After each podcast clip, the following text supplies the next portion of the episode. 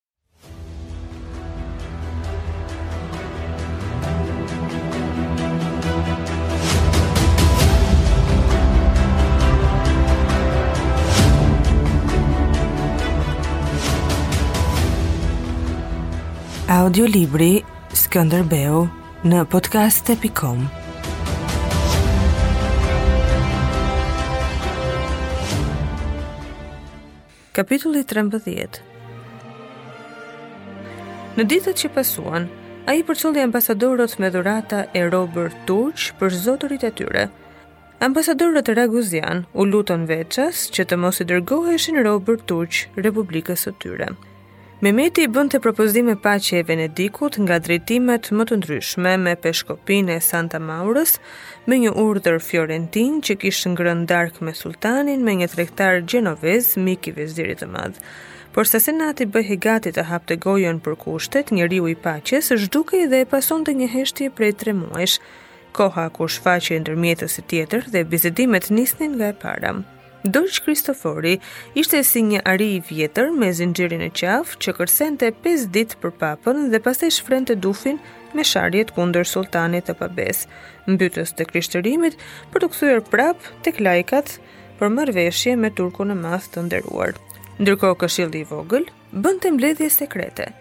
Më 29 dhjetor të vitit 1463, dy vjet më parë, këshilli kishte vendosur t'i paguante 10.000 dukat ari në dorë dhe 1.000 dukat të tjerë në vit, për tërë jetën njeriut të mirënjohur që do të paraqiste shenjën e vrasjes së Mehmetit. Kjo ishte një shumë përrallore, por sidoqoftë, ishte gjithnjë 100 herë më pak se lufta.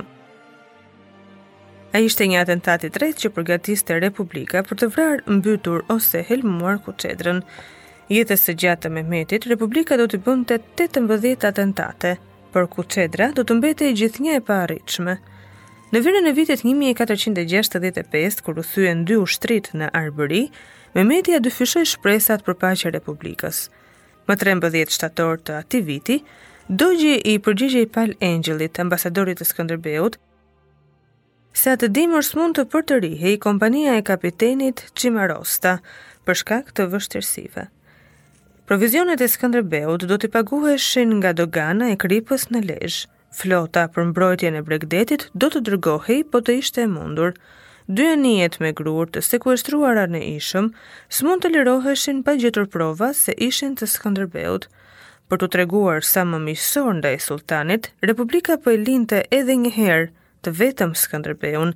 Ky filloi të mbushte Krujën me grurë e barut dhe nisi disa vizita në viset e Arbërisë me Gjonin e vogël. Në fillim të vitit 1466, armiqtë e përjetshëm të Mehmetit në Azi ishin qetësuar. Paqja shtrihej edhe në të dyja brigjet e Danupit. Pas luftës në Peloponez, që kushtuan shumë e nuk ndanë asgjë, Venediku u vazhdonte pazarllëqe të dëshpëruara për të ulur çmimin e paqes ndërsa pushtuesi zgjerohej në Egje. Nuk ishte në natyrën e turkut të madh të rrinte qet, veç të vazhdonte të trashej. Por në shkurt, Mehmeti u shfaq në kampin e tij në Edrene dhe filloi të mblidhte ushtrinë. Duke gjykuar nga numri i kësaj ushtrie, që shkonte në 80 deri në 150.000 veta, besohej se do të përmbysej Hungaria përmes Vllahisë.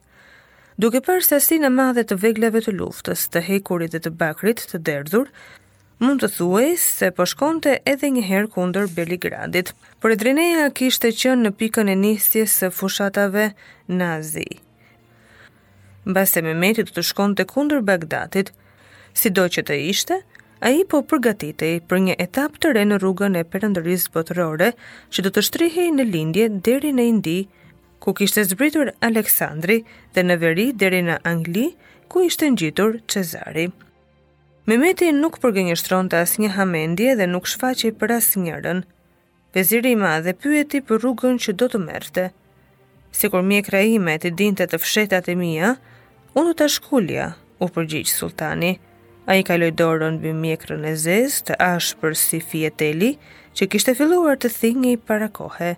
Pasi uli dorën, mjekra prapë lëvizi sikur të kishte një shpirt më vete. Ushtria e sulltanit hyri në Kosovë, mori rrugën e Manastirit dhe zbriti në Ohër.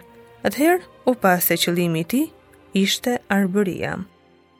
Pas disa luftimesh në kufi, pararoja e ushtrisë turke prej 30.000 vetesh, e prirë nga Balaban pashë Badera, Arriti në Librazhd.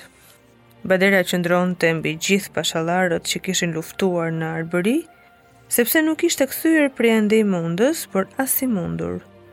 Sipas fermanit, me vetë dorën e sulltanit, Balabani nuk ndaloi asgjëkundi. Me 30.000 njerëz të mbledhur si një repart i vetëm, ai arriti në Valm,